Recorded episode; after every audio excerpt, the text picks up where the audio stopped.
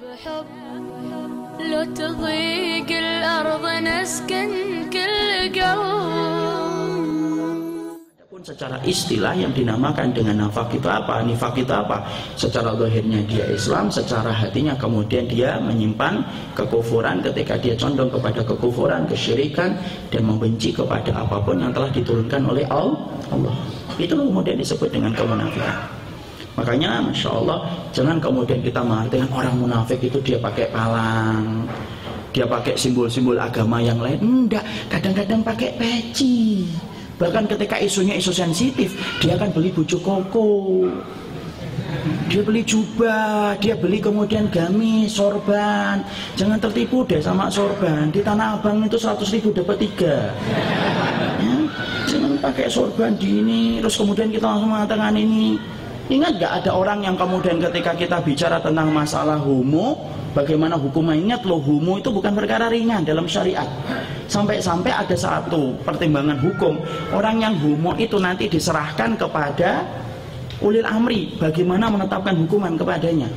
Maka dalam satu riwayat itu mereka itu dilemparkan dari tempat yang tinggi setelah jatuh dilempari batu dari atas. Lebih berat daripada hukuman kepada zina yang telah ber, yang telah menikah. Yang main-main itu dan lain-lain. Tapi lihat, ada orang yang membela kemudian homo itu dan mengatakan itu hak asasi manusia. Kemudian dia pandai menyampaikan teorinya atas nama kemanusiaan dan maaf pakai peci dan kemudian pakai baju koko. Perkataannya loh yang saya saya hukumi perkataannya. Ketika dia mengatakan loh itu homo itu merupakan hak asasi. Wong itu saya dapatkan ketika saya bertumbuh kembang tiba-tiba saya senang sama laki-laki kok. Loh itu namanya ujian mas kalau kayak gitu. Ya semoga Allah merahmati beliau dan melindungi beliau dan memberikan hidayah sama beliau itu yang paling penting. Tapi yang kita pengen ambil itu apa? Masalah peci jilbab itu gampang, kecil. Karena bukan itu yang kemudian menjadikan kita menilai kita tertipu enggak tapi sesungguhnya di dalam hati mereka. Itu yang pertama. Yang kedua, poin yang kedua, kemunafikan itu terbagi menjadi dua.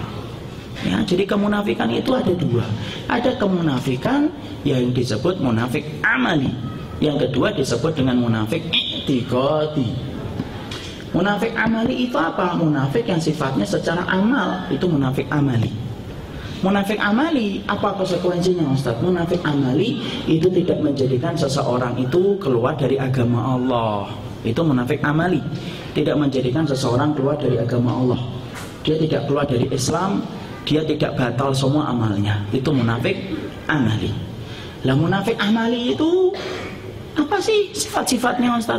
Munafik amali itu sifat-sifatnya. Satu, kalau ngomong bohong. Ayatul munafik salah satu orang munafik itu tandanya ada tiga.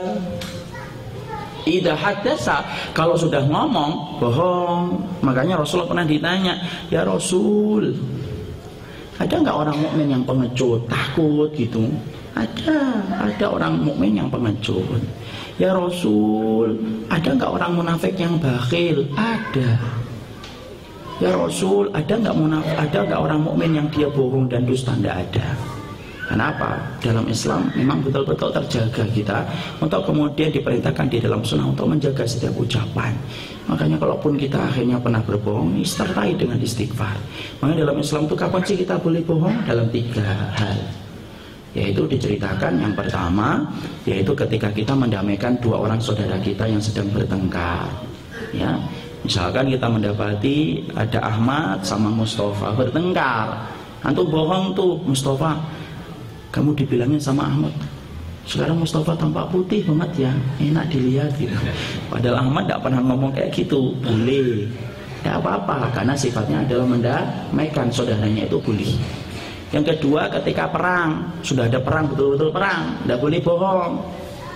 Ya misalkan kemudian Belanda menangkap seorang pejuang ditanya pejuangnya ngomong ya karena dalam Islam itu ada jujur ya saya jujur ya ini kemudian di kabupaten sana ada 10 di sini ada dua di sini ada tidak boleh jujur ketika perang. Harus kemudian kita sampaikan yaitu bohong. Ketika perang betul-betul kontak fisik. Yang ketiga antara seorang suami dengan istrinya.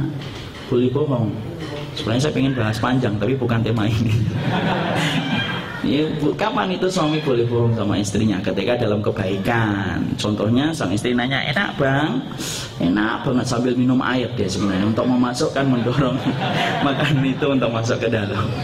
Walaupun setelah itu muntah-muntah gitu ya suaminya.